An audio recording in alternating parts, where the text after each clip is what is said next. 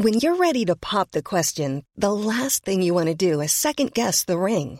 At Bluenile.com, you can design a one of a kind ring with the ease and convenience of shopping online. Choose your diamond and setting. When you find the one, you'll get it delivered right to your door. Go to Bluenile.com and use promo code LISTEN to get $50 off your purchase of $500 or more. That's code LISTEN at Bluenile.com for $50 off your purchase.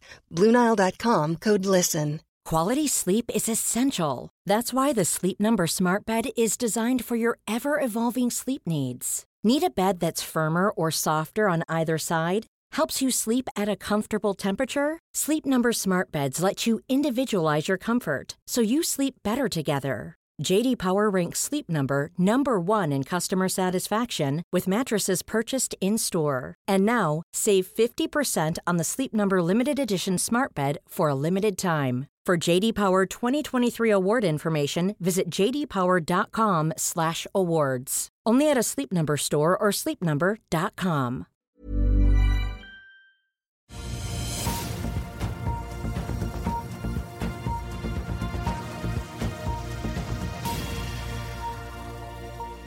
Riktig god morgen alle sammen, og velkommen til Børsmorgen. Jeg er Marius Lorentzen sammen med aksjekommentator Karl Johan Månes på plass her på Smestadammen i Oslo på den onsdag 6. september, en dag der SalMar arrangerer kapitalmarkedsdag i Tromsø. Norwegian er ute med trafikktall og fortsatt melder om god booking. REC annonserer nyheter rundt leveranseavtalen til Storeei Hanva og mye, mye mer. Vi skal få med oss konsernsjefen i Kongsberg Gruppen, som i går ettermiddag annonserte da selskapets største kontrakt noensinne, som sendte markedsverdien opp med over 6 milliarder av handelen kom i gang i aksjen igjen. Vi får også besøk av storeieren i Norske Skog, som nå også har blitt konsernsjef.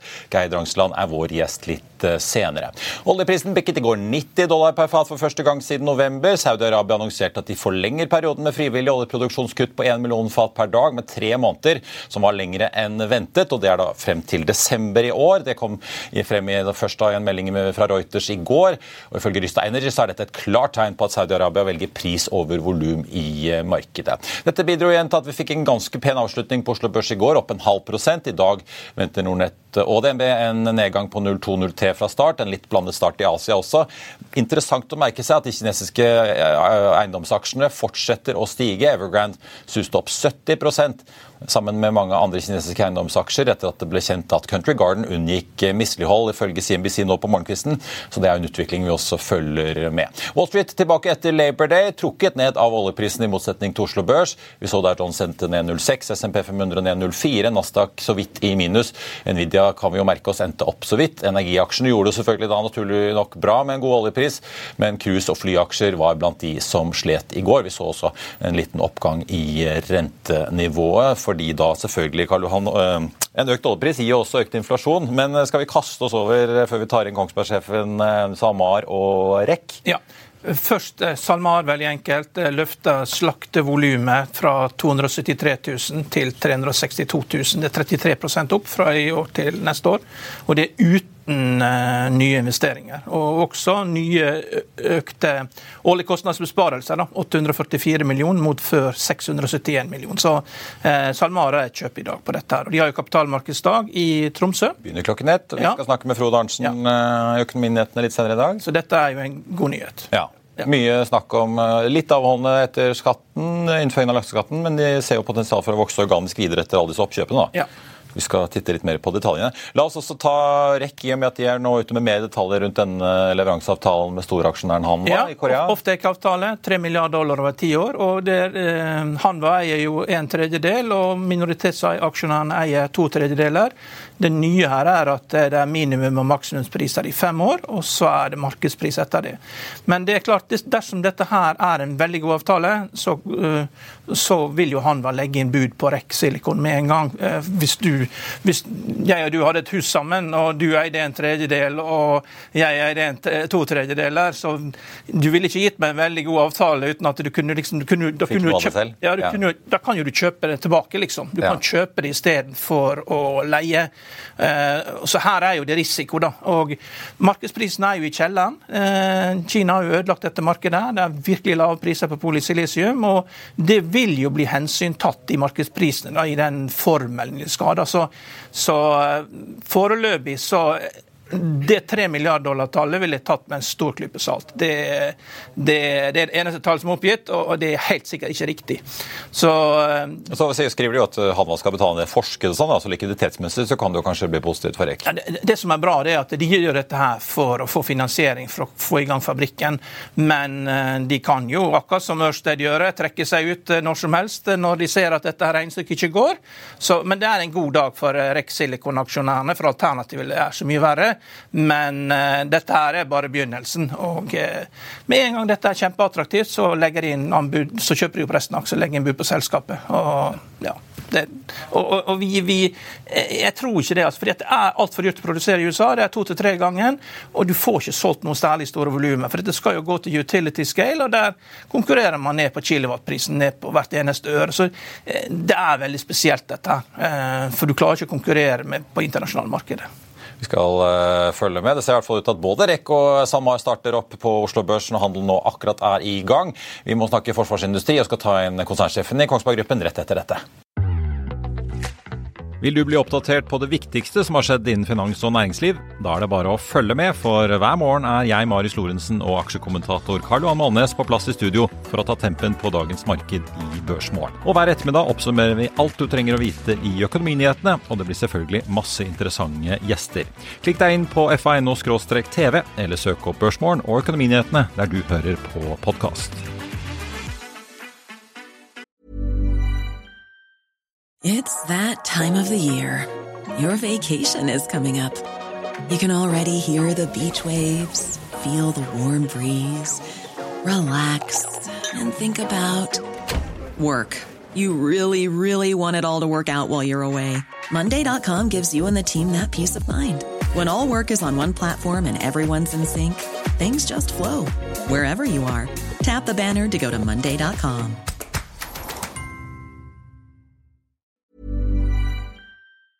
I'll see you in court. Vi sier det ofte litt på spøk, men for deg som driver business, er det aldri moro å innse at du ikke har laget en 100% gyldig kontrakt. Du bør ikke risikere hele firmaet ditt fordi du synes dette med kontrakter er litt stress. En avtale er ikke en avtale. Du kan miste kunder, miste venner, ja, til og med miste inntekter om du ikke lager en skikkelig kontrakt, på alt mulig, egentlig. Men vi vet det er et styr kopimaskiner, tregprinter og haugevis av papir. Dessuten stoler vi jo på folk her i landet.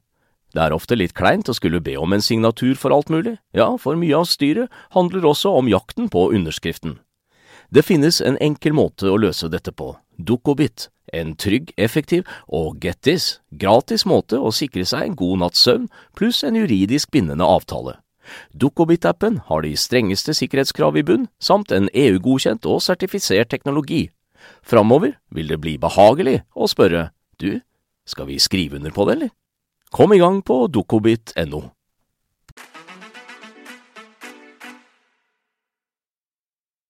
Velkommen tilbake. På Oslo Børs er nå hovedindeksen ned 0,1% fra start. En svak nedgang i Norwegian som er ute med trafikktall på morgenen.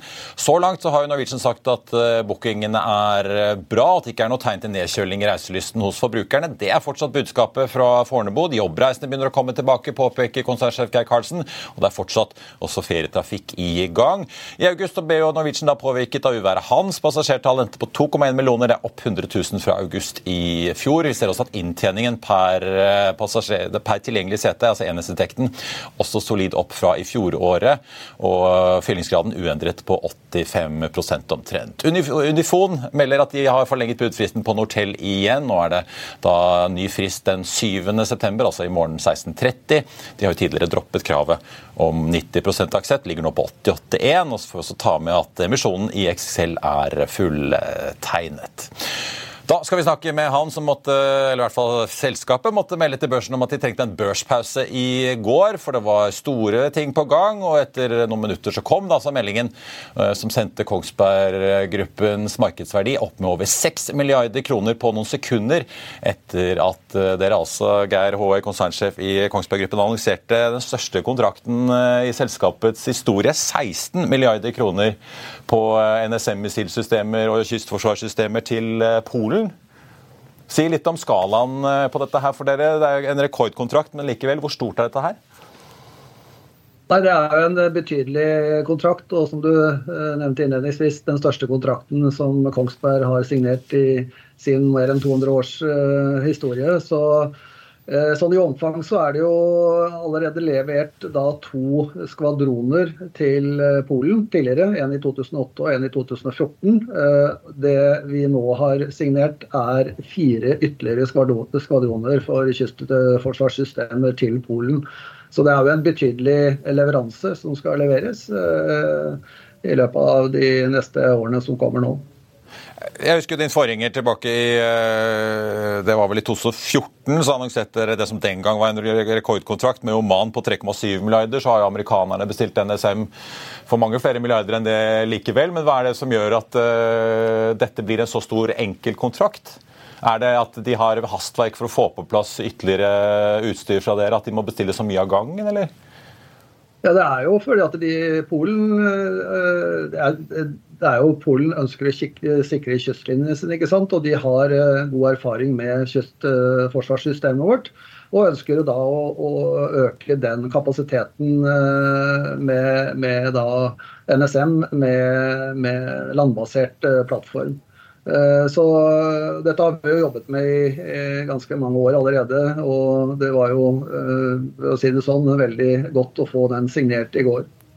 Det, det, vil jeg tro. Det, nå, altså, dere sier at dette gir jo sikre leveranser fra dere eh, godt ut på 2030-tallet. Dere skal jo også engasjere lokale aktører for, som skal bli på en måte lært opp i å drifte dette her også.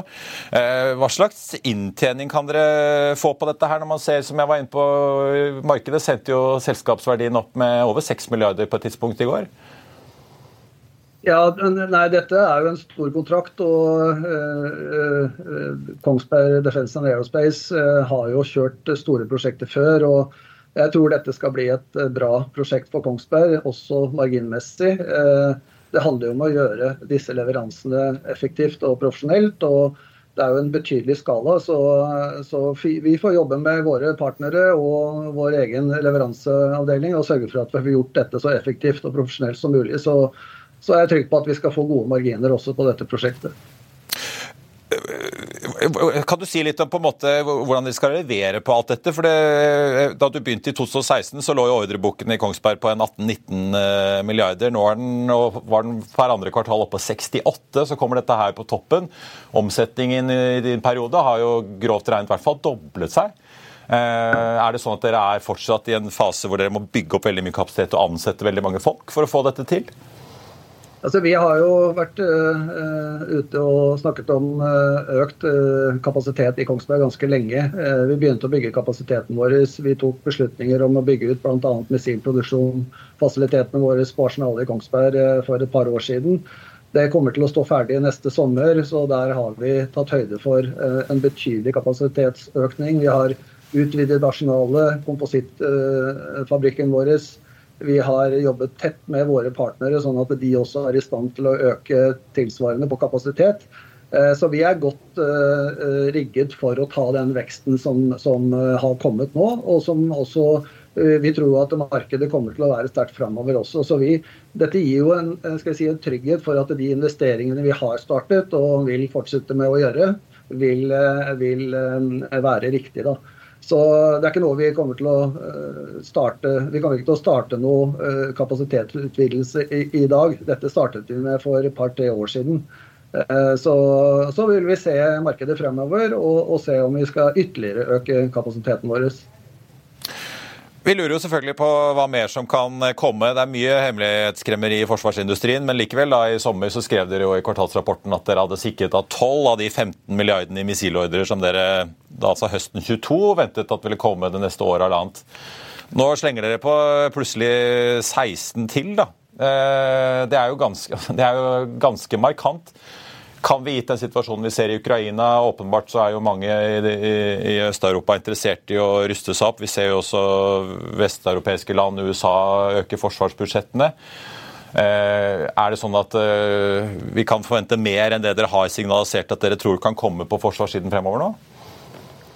Det er eh, helt klart en økt fokus rundt eh, forsvarssystemer i eh, Europa, i Norge, i USA, som du nevner. og Dette er jo en situasjon vi følger veldig veldig nøye.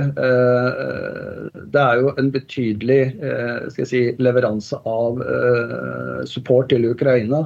Det betyr jo også at, at nasjoner må etterfylle sine egne lager. Og når det er sagt, så er det jo også sånn at som sagt, vi så at denne veksten ville komme fremover. Eh, vi rigget jo eh, denne eh, kapasitetsøkningen lenge før Ukraina-krigen var et fakta. Så, så, vi tenker at de kapasitetsøkningene vi har gjort og vil gjøre framover, de vil være i stand til å dekke det behovet vi ser i dag. Og Så får vi se framover om, om det er ytterligere behov for kapasitetsøkning. Det som er viktig for oss, Dette er jo en kontrakt som er ganske betydelig. Eh, og eh, Det betyr også at eh, det er ikke bare Kongsberg Gruppen, men dette er jo også alle våre leverandører, både norske og utenlandske. De vil også ha en betydelig del av denne si, kontrakten. Så vi må sørge for at verdikjeden vår er robust og er i stand til å levere på, på, på, det behovet som vi ser kommer nå, både i Europa og, og verden for øvrig. Så holdt jeg på å si Investorer bør eh, kanskje forberede seg på at eh, det kommer nye store ting fremover fra dere utover det man kanskje i utgangspunktet hadde tenkt? Vi eh, jobber kontinuerlig med muligheter innenfor både forsvar og maritim. Og, og det, er, det er spennende tider fremover. Eh, til slutt, Håi. Eh, jeg må jo nesten spørre, siden det har vært såpass mye politisk støy eh, rundt aksjehandlene i regjeringen, og det virker som disse mm, politikerne syns Kongsberg Gruppen er en veldig fin aksje å investere i. Det er sikkert hyggelig for dere. Men likevel, altså, politikk er jo alltid et stort element i forsvarsindustrien. Det at det har vært så mye støy i Norge rundt hva medlemmer av den norske regjeringen eller familiemedlemmer har kjøpt og solgt i selskapet ditt av aksjer. Har du fått noen spørsmål fra kunder eller andre land eller investorer om hva som egentlig skjer her hjemme på berget?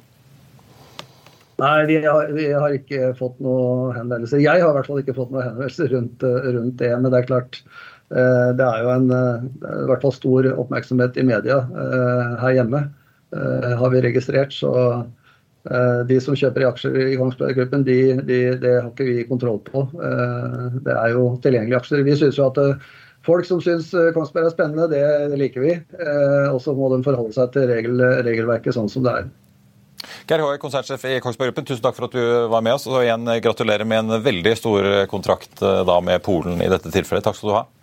Takk skal du ha. Eh, Karl Johan, vi, vi, må nesten snakke litt før vi tar inn Norske Skog her om eh, Kongsberg Gruppen. Jeg så jo eh, Vitsene fløy jo høyre og venstre på i sosiale medier her i går da børspausen kom, eh, før vi visste at det var denne kjempekontrakten. Folk likevel spekulerte jo om eh, regjeringsmedlemmer hadde rukket å kjøpe aksjer før børspausen. Nei, men, eh, men, det at den er så populær hos regjeringsmedlemmer, er det et tegn på at dette egentlig er en ganske interessant aksje også? Den har jo gjort det veldig bra de siste årene? jo, det var veldig veldig lenge at det ikke var så spennende. Da. Så det, det, det, er jo dessverre det at den krigen her som har gjort den uhyre spennende. Men det, det var jo lenge en død aksje. Så ja. det tar jo igjen for at den lå flatt i ti år. da. Så, men det, Erik Must er jo en av de store investorene hans. Ja. Må jo spille fra øre til øre med den voldsomme økningen ja, i ordreinngang og omsetning. Veldig mange som har vært uh, veldig tålmodige, fordi uh, den lå veldig lenge veldig stille. Altså, og det virker jo som at de ikke har tenkt å, etablere fabrikker i, i Polen, da, som liksom blir det nye festningen i Europa for, mot Russland. Da. Så det, Polen er jo de som er villige til å Jeg så de skulle øke forbruket sitt til 4% av BNP, forsvarsutgiftene. Så, så, eh, det vil jo være det neste steget. da, eh, Eventuelt å bygge fabrikker i Polen, så du kan levere da, til både Ukraina og Polen. Men det, jeg tenkte jeg skulle ikke stille noen ledende spørsmål. Og, Eh, Han kan jo ikke snakke så mye om kontrakter som nei, kanskje kommer. Nei, nei, det, Både det vil, forsvarsmessige grunner, men også børsgrunner, selvfølgelig. Det vil jo være naturlige steget, da, hvis,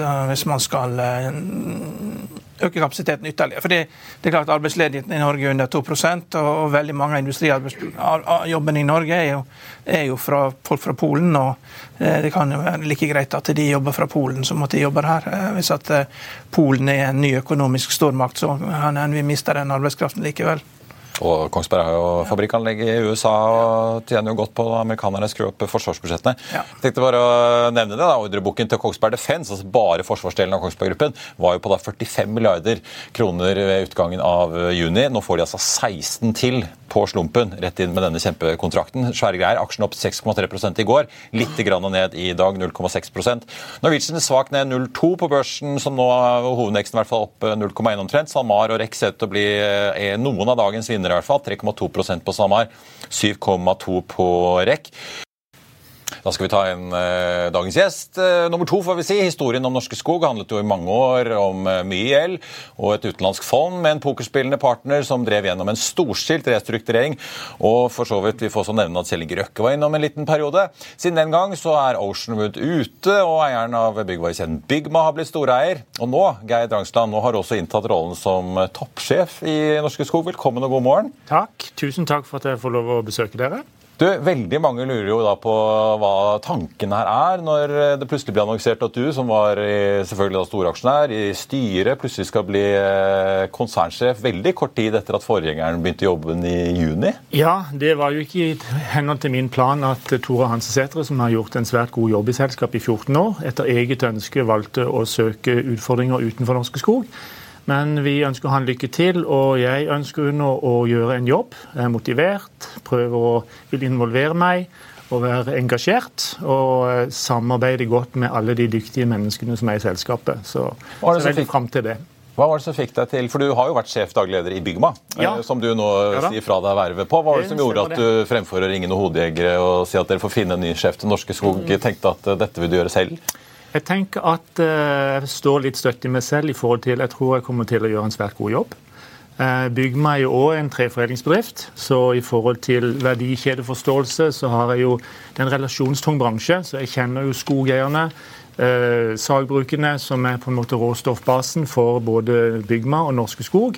Har jeg gode relasjoner og tenker at det er en kunnskap som også kan ha, være verdifull i å lede Norske Skog. Som ikke produserer byggematerialer, de produserer papir. Og så har vi jo nå eh, store prosjekter på gang ved å bygge om papirmaskiner til det voksende, lønnsomme kartongemballasjemarkedet for å skaffe oss nye inntekter nå, som er voksne til erstatning for inntekter på papir, som jo synker litt. Og eh, aksjonær i Circa Group, som er en sånn teknologisk spin-off ja. som vi har snakket eh, med tidligere, Karl Men dette er jo et selskap som er en stor del av norsk næringslivshistorie. Det har vært uh, mange historier om opp- og nedturer og en stor satsing på avispapir, som selvfølgelig uh, ikke tålte tidens tann etter hvert som alle begynte å kaste over nettbrett og mobiler. Ja, vi, vi, snakket om det på forhånd her ja. når vi gikk inn, at det er, jo, det er, jo, et selskap som har nesten vært i omstrukturering i 20 år, og man har mm. Veldig mange ledelser har undervurdert oppgaven med å styre det først ved å har feil strategi ved å satse på mm. globalt avispapir. Mm. Og så har man da eh, vært litt for sein hele tida. Man tror ikke man kan rykke ned, og så ender man opp med å rykke ned. For man er litt for sein med å ta grepene. Så hvilke planer har du nå for å unngå at du eh, får et nytt nedrykk, da? Ja, der er det jo eh, før min inntreden her gjort en kartlegging av bransjens aktører og mulighetene for å utnytte skogen, som jo, som dere sier, er grunnlaget for mye av velstanden vi har i dette landet. Eh, ved å bygge om utstyr man har på papirmaskinene, som jo er på en måte Norske Skogs identitet og DNA. Så har man jo nå bygd om eh, utstyr i Østerrike, som, eh, hvor vi allerede fakturerer, pakker og leverer kartongemballasje. og Der går det veldig bra. Både investeringen seg selv gikk fint, man har skaffet seg kunder og en veldig fin utvikling. Så den versjon 2.0 nå med å diversifisere selskapet til kun å produsere og selge papir, til også å selge kartongemballasje, den er jo allerede i gang. Så har vi også en stor ombygging i Golbey, som er vårt flaggskip. Ja. En Triple A-produsent. Eh, og Der vil eh, fakturering og salg av kartongpapir igangsettes i slutten av annet kvartal. Så Det tenker jeg er litt viktig for meg å, å være ydmyk for. At vi skal ikke gjøre for mye på en gang heller. Disse to ombyggingene er faktisk fem milliarder i investeringer. Vi har allerede betalt fire, over fire av de for øvrig. Det gjenstår bare én på kapitalbruk. og... Eh, du må la det på en måte spille seg litt ut? La dette, Det er såpass tungt løft for Norske Skog bare å komme seg over i dette kartongmarkedet med disse to ombyggene at jeg tenker å motivere og kontrollere at den prosessen skjer eh, i tråd med planene våre i seg selv, er liksom step én for meg. Så får vi da i step to bli sammen med styret og gjøre en kartlegging av bransjens aktører og se er det naturlig for Norske Skog innenfor DNA-et vårt, da, som er å foredle skog, at det kan være andre sektorer enn emballasje og papir som òg kan være interessant for oss. Det er jo noe som vi vil jobbe med og se er det nye muligheter som eh, også kan være interessante for Norske Skog framover. Men Det blir jo litt for tidlig å være eksplisitt på akkurat nå. Men jeg syns det er fantastisk spennende å jobbe med skog, treforedling liker å ha sagflis. Det er mye, mye man kan bruke det til. Si, både bygge høyhus oppe på Vi snakket litt om det også Brumunddal, sånn ved Bokart. Inngangen her, altså Billerud, ikke sant, de lager kartonger. De taper jo penger i år. Det er nedgangskonjunktur ute i Europa. Mm. Mm. Zalando, som er internetthandler, sier at uh, kundene er veldig deprimerte. De er mer deprimerte nå enn under finanskrisen. Mm. og det er, jo, det er, jo, syklisk, det også. Eh, på litt annen måte enn avispapir. Så, mm. Men har dere, ser dere at dere kommer gjennom dette på en enkel måte? At, at det, det, det, konjunkturforløpet dere ser, at det kommer ikke til å ramme dere på noen kritisk måte? Jo, vi må jo eh, I forhold til makrobildet, da, eksogenfaktorer, det betyr utenforliggende faktorer som ikke vi kontrollerer. På sykler da, så er det jo syklisk, og vi må jo være med i de syklene. Nå er det jo ganske eh, i en lavsyklus. Jeg merker dere at forbrukerne strammer inn sånn at det blir mindre holdt jeg på å si, eh, pappkartonger i nettbutikker som skal produseres? Og... Nei, mest at det er på pris. Ja. Dårligere betalingsvilje. Vi får dårligere betalt. Så eh, Det er jo det som vi merker det mest på. Også noe på volum, men det er også prisene som synker, og da går jo dekningsbidragene ned. Um, Gold Bay f.eks., det er jo den største anlegget vårt. Der har de en veldig god posisjon både på eh, billig, ren energi, god eh, tilgang på råstoff og også kort vei til kunder. Og det er oppskalert, det er veldig stort anlegg, veldig nytt. Så der er det jo å utnytte det at vi har skalafordeler og ta vare på det som gjør at i en lavkonjunktur så står vi oss likevel bra, for det er på, både på oppstrøm og på nedstrøm og på infrastruktur en veldig fin fabrikk. Så du vinner både på kost og på tid? Og, og da er det atomkraft i Frankrike da, som gjør at du har billig energi ja, for jeg husker jo Gassprisen i Østerrike gjorde at dere måtte, altså de forrige Sven Ombudstvedt måtte jo i periode stenge ned fabrikken i Østerrike da gassprisen var liksom på de aller villeste nivåene. Riktig. Der har du flipside på i Østerrike, som er en veldig gassavhengig eh, økonomi. Der blødde jo vår fabrikk i Brygg ganske kraftig på energikostnader som kom litt ut av kontroll. Der har man jo òg gjort et grep. Man har jo bygd en stor biokjele hvor man tar imot avfall, transformerer det til energi for å avlaste risikoen man har ved at eh, de gassprisene kan ramme fabrikken hardt i perioder. Bare gate-fees på det, eh, det betyr det man får i avgifter for de som deponerer avfall, er jo 100 millioner kroner, som er rent nettobidrag til fabrikken i Østerrike. Men avispapirfabrikken i Skogn den er vel også veldig kostnadseffektiv på energi? Den fabrikken i Skogn er helt utrolig bra posisjonert. Ja, ja. Man har uh, gode industrienergikontrakter med Statkraft. Uh, logistikken der oppe, jernbanespor inn i fabrikken, som gjør at det blir uh, grønn og billig trafikkering av råstoff. Man har E6-en som går forbi, man har dypvannskai. Og eh, Der er jo alle forutsetningene for å være lønnsom på newsprint langt fram i tid svært gode. Men har den, dette er, Det har vært en strukturell nedgang i lenge. Ja. Men hvis du snakker med mediefolk de siste par årene, så har prisene gått veldig opp. Uh, vet du at En del mediehus har liksom tatt ned antall sider ja. og tatt noen grep. Er, gjør den prisøkningen, den allerede strukturelle nedgangen, på en måte ting vondt verre, eller? Eh, det er syklisk. I fjor så tjente Norske Skog 2,7 milliarder kroner. På grunn av, Det var nesten en dobling av papirprisene på to år. Så da var det jo en innhøstningsfase. I år har jo prisene sunket. Mm. Så det er jo oppi det bildet hvor prisene fluktuerer, så gjelder det jo bare at vi prøver å påvirke det vi kan. Og det er vår egen effektivitet og våre egne kostnader som gjør at når det er litt kladdeføre, så står vi oss allikevel bra. Jeg ser Analytikerestimatene har gått ned fra 14 kroner til 7 kroner per aksje i år. Det, synes du det gir et riktig bilde? Ja. ja det er riktig. Mm. Så de er oppdaterte. Og For neste år så, så, har de gått ned fra 10 til 9. Gir det også et bra bilde av situasjonen, syns du? Ja, Da går jo kanskje signifikansen litt ned, for ja. da er vi litt lenger ja. fram i glasskula. men... Eh, som slik som det ser ut nå vi, Ryggmargsrefleksen tilså kanskje at vi er nokså nærme bunnen i sykkelen nå. Så at man kan tenke seg at eh, neste år kan bli på nivå med med 2023, ja. Mm. Når, vi, når, du har inntatt den rollen du har, og også er største eier, ja. så må jeg jo nesten spørre deg Mange snakker jo om denne famøse Røkke-rabatten i Aker. Hvordan reflekterer du selv over da på en måte det å både være storeid, daglig leder og skulle også hensynta eller være så involvert på en måte da i driften, og da hensynta de andre eierne her samtidig for å unngå at det blir hengende sånn rabatt over Norske Skog-aksjen? Ja, det, hvis det er rabatt der, så er det jo lurt å kjøpe mer, da. Ja, ikke sant? Ja, ja men jeg antar du ikke har lyst på en sånn stor Drangsland-rabatt? Liksom. Ja, men nå kan jeg jo Jeg har jo en empiri her, da. Jeg har jo ledet Bygma i uh, eh, 20 år. Jeg kjøpte min 40% av Bygma for 12 millioner kroner av Rudolf Hodne i år 2000. Og tatt vare på de pengene både gjennom å være stor aksjonær og daglig leder. Så den modellen med å både være eier og lede et selskap, det er jo en ganske fin modell. Da er det jo ingen skjulte agendaer her. Det eneste man er opptatt av, er å ta vare på familiens sparepenger, utvikle verdiene og har ikke noen andre agendaer enn det. Så jeg tenker at det er fullt ut overførbart nå i Norske Skog, hvor det er en hovedeier som eh, interesserer seg for å gjøre en jobb. At det er vel eh, ganske fint, det. Men hvis du hadde, nå tar du over Norske Skog, den gangen du tok over Bygma og så oppdaga at det var en butikk i Australia, du ville vel ha stengt ned den butikken og fokusert på det som er i Europa, hvis du har bare, bare én fabrikk i Australia? Man kan jo kanskje si at uh, slik Norske Skog er i dag, er litt restverdisikring. Det var jo en konkurs. Ja. Og så plukker man opp det som har verdi. Og så er jo ikke det en strategi. Det er mer at man gjør det beste ut av det man sitter på. Og Da er det jo fire fabrikker i, eh, i, Europa som går godt. og De er bra og de har gode forutsetninger for å eksistere i mange mange år.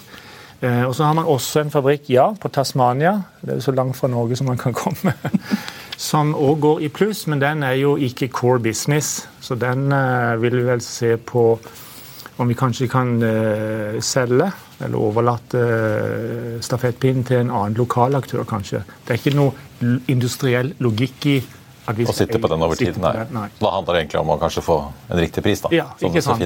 Så. Men samtidig, så lenge det er positiv kontantstrøm, så er det ikke noe akutt. Nei. Bruker du så å si all tid på Norsk Skog nå, eller er det sånn at du har én dag i uken til Bygma og andre prosjekter, og fire dager i uken eller pluss det til, eh, til Norske Skog? Det har jo gjort et uh, skarpt veiskille nå, uh, hvor som en konsekvens av å tiltre som konsernsjef i Norske Skog, så er ikke det forenlig med å også være konsernsjef i Bygma. Så Samme dag som jeg tiltrådte, så hadde vi også styremøte i Bygma, hvor jeg varslet styret i Bygma om min fratreden og vil nå tre inn som styremedlem i Bygma. Som jo er naturlig, fordi jeg, familien min eier jo nesten 90% av det selskapet. Ja, Så du må jo passe på det da. men, uh, ja, men uh, det, det, er, det, er, ikke folk i butikkene lenger, så det er, det er, så lett, det er lett å passe på det nå. Ja, det kan du si. og her, Vi setter på en ny konsernsjef nå. Han vil sannsynligvis bli rekruttert internt, som ja. Eh, kjenner selskapet godt, og som jeg vet også kan samarbeide godt med styret der. så ja. Eh, det blir jo også sånn Når man er leder lenge i et selskap, så får man litt det jeg kaller ryggmargsrefleks. Ja. Jeg trenger ikke vite så mye om hva som foregår i bygg for å vite hva som kan være lurt å gjøre. Hvordan stå er. Ja. Men til slutt, da, da, lurer jeg litt på, fordi du, I børsmeldingen eh, da dette jobbbyttet ble annonsert, så snakker du også om på en måte muligheter du ser. Eh, og Én ting er jo da emballasjesatsingen som man har satt i gang nå over noen år, og som, som du sier du vil se utfolde seg. på en måte. Men jeg nevnte jo det, dere er jo eier i dette Circa Group, som mm. driver jo inn hvis vi kan kalle det biokjemi. da. Mm. Er det, hvilke andre muligheter er det du ser for Norske Skog uh, utover det å satse på uh, papp og emballasje? Det er jo noe av det som blir interessant å se frem, og hvilke andre områder innenfor treforedling er det vi vil satse på. Det jeg kan si jeg vil være veldig uh, tydelig på, er at vi skal være et treforedlingskonsern. Jeg ønsker ikke at vi skal bli, være et energiselskap selv om det òg kan være eh, transformere fiber til energi og eh, en arena. Men treforedling skal være Norske Skogs DNA, som det alltid har vært. Og da kan man jo se på og lære kanskje av de som virkelig eh, er de som har lykkes godt. SCA, Holmen, UPM. Hva er det som kjennetegner de fremfor, som du nevnte, Billerud som blør, sliter og har en enorm lekkasje på ombyggingsprogrammene sine i USA, bl.a. SCA, som er på en måte beste gutten i klassen, Svensken, de har jo egentlig egen skogbank. De eier sagbrukene selv. De har eh, plateindustri. De har logistikken selv. Så gjennom å vertikalt bevege seg i verdikjeden bakover og få kontroll på forbruksfaktorene, råstoffet, så får de en mye mindre volatil eh, virksomhet. Mye mer stabil eh, eh, verdikjede. Fordi de selv kontrollerer forbruksfaktorene. Så det å kanskje i hvert fall søke samarbeid mot skogeiere og sagbruk, og ha dype tillitsforhold der, og ha, se, søke stabile, stabile, forutsigbare verdikjeder som en del av å trygge framtiden vår, er noe som vi vil se nærmere på. Skogeierne var jo store i mm, skapelsen av norske skog. De har blitt borte, de? Ja, de var, det ble jo en ja. konkurs. Ja. Men hvis, hvis, du ser på Finland, da, det mest eh, skogeiervennlige selskapet var jo Emril. Mm. og ja. Eh, det ble jo litt for mye av det gode. ikke sant? At mm. Det ble sånn at det var viktigere å få høy pris på tømmer enn at Emril skulle tjene penger. Mm. Så det er jo en, en balansegang, dette her. Det, er det. Ja, så eh, Hvordan er det du skal samarbeide med dem, uten at det, det er de som bestemmer, tar over og bestemmer? Nei, Det er jo eh, å bruke eh, Være litt ydmyk, samtidig som man også utnytter momentum ved at fra fiberstrømmen fra norske skoger, så både gjennom Bygma med Forestia og Huntonit, som er plateprodusenter, og Skogn og Saugbrugs, så er jo vi en veldig stor kunde av skogeierne. Ja, for Jeg lurte også på om du skulle gå inn i Borregaards eh, bakgård og ja. begynne med eh, ordentlig stor biokjemi? Ja, mm, det, det, Borregaard er jo et fantastisk selskap. Per Sørli og, og, og, hva de har fått til med å raffinere ut eh, enormt verdifulle produkter, high end-produkter av eh, skogen, det er jo imponerende. Borregaard er for meg litt forbilde. Og Der òg er det jo en arena som Norske Skog kanskje skal forske på. Og se hvordan kan prosessutstyret vårt og menneskene våre hvor kan vi også lage high refined fiber products. Og se litt på å kopiere, lære av Borger, som jo er veldig imponert over det Per Sørli og, Borger har fått til. Jeg Drangstrand, Det skal bli veldig interessant å følge med hva dere finner på fremover utover avispapir og emballasje. Takk for at jeg fikk komme. Takk for at du kom til oss. Interessant prat om skogen, Karl Johan. Ja, nei, det skjer mye der fremover. Ja, og Fordelen her er jo at han har jo gått en lang reise med, med Bygma, og eh, vet hvordan han skal trykke på ulike knapper. Eh, forskjellen er jo at dette her er jo eh, energiintensivt, det er syklisk på en litt annen måte, men heldigvis da, så har han lave energikostnader både på, både på Skogn og eh, i Frankrike, så kan si seg kjernen av selskapet. Så det, det, kan bli en spennende reise, men, men som alltid, det gjelder jo å ikke investere for mye. Eh, det har man jo hatt en tendens til å gjøre. De er veldig flinke, disse maskinselgerne. De lager masse fancy maskiner. og man blir... Svære imponerende greier. Imponerende greier, ja. Det blir i hvert fall utvilsomt et selskap ja. som blir eierstyrt og ikke administrasjonsstyrt. Ja, nei, ja. så Det er veldig spennende. Og, og aksjen er jo billig.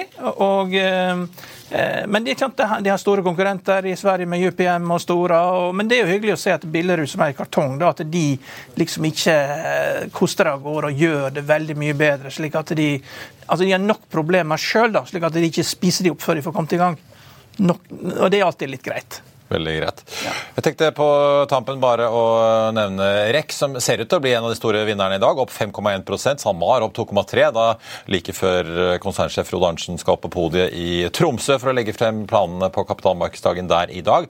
Også verdt å få med seg på FA1 nå. Jons Fredriksen trekker seg ut av Aternum-fondet. Utvilsomt en av de store sakene og snakkisene i dag, det også. Tenkte også bare å eh, nevne helt på eh, tampen at eh, Cloudberry, som jo steg nesten 6% i går etter deres kapitalmarkedsdag, ned 2,6 i dag. Der har Pareto nå valgt å senke kursmålet fra 20 til 15, gjentar sin kjøpsanbefaling. Den ligger nå på 10,40, så de ser fortsatt en bra oppside der. Sparebank Markets har regnet på Sidri, løfter kursmålet fra 5,50 til 6,75, gjentar kjøpsanbefalingen. Den endte i går på 5,35. Norwegian som er ute med trafikk da, ned 0,4. Kongsberg Gruppen som steg kraftig i går på den store store missilkontrakten med Polen, ned 0,9 i dag, på en hovedvekt som er så vidt i pluss. med med en oljepris som altså så 90-tallet i går, ligger nå på 89,61. Men utvilsomt veldig hyggelige tider for eh, oljenæringen om dagen. Det var børsmålen for denne onsdag 6.9. Husk å få med deg økonominyhetene da 14.30. Da får vi med oss SalMar-sjef Frode Arntzen. Og vi skal også høre fra Bjarne Brøndbo, som har funnet på noe nytt i bilbransjen. Mer om det får du også senere i dag. I mellomtiden, siste nytt finner du som alltid på fa.no. Ha en riktig god børsdag alle sammen. Vi ses.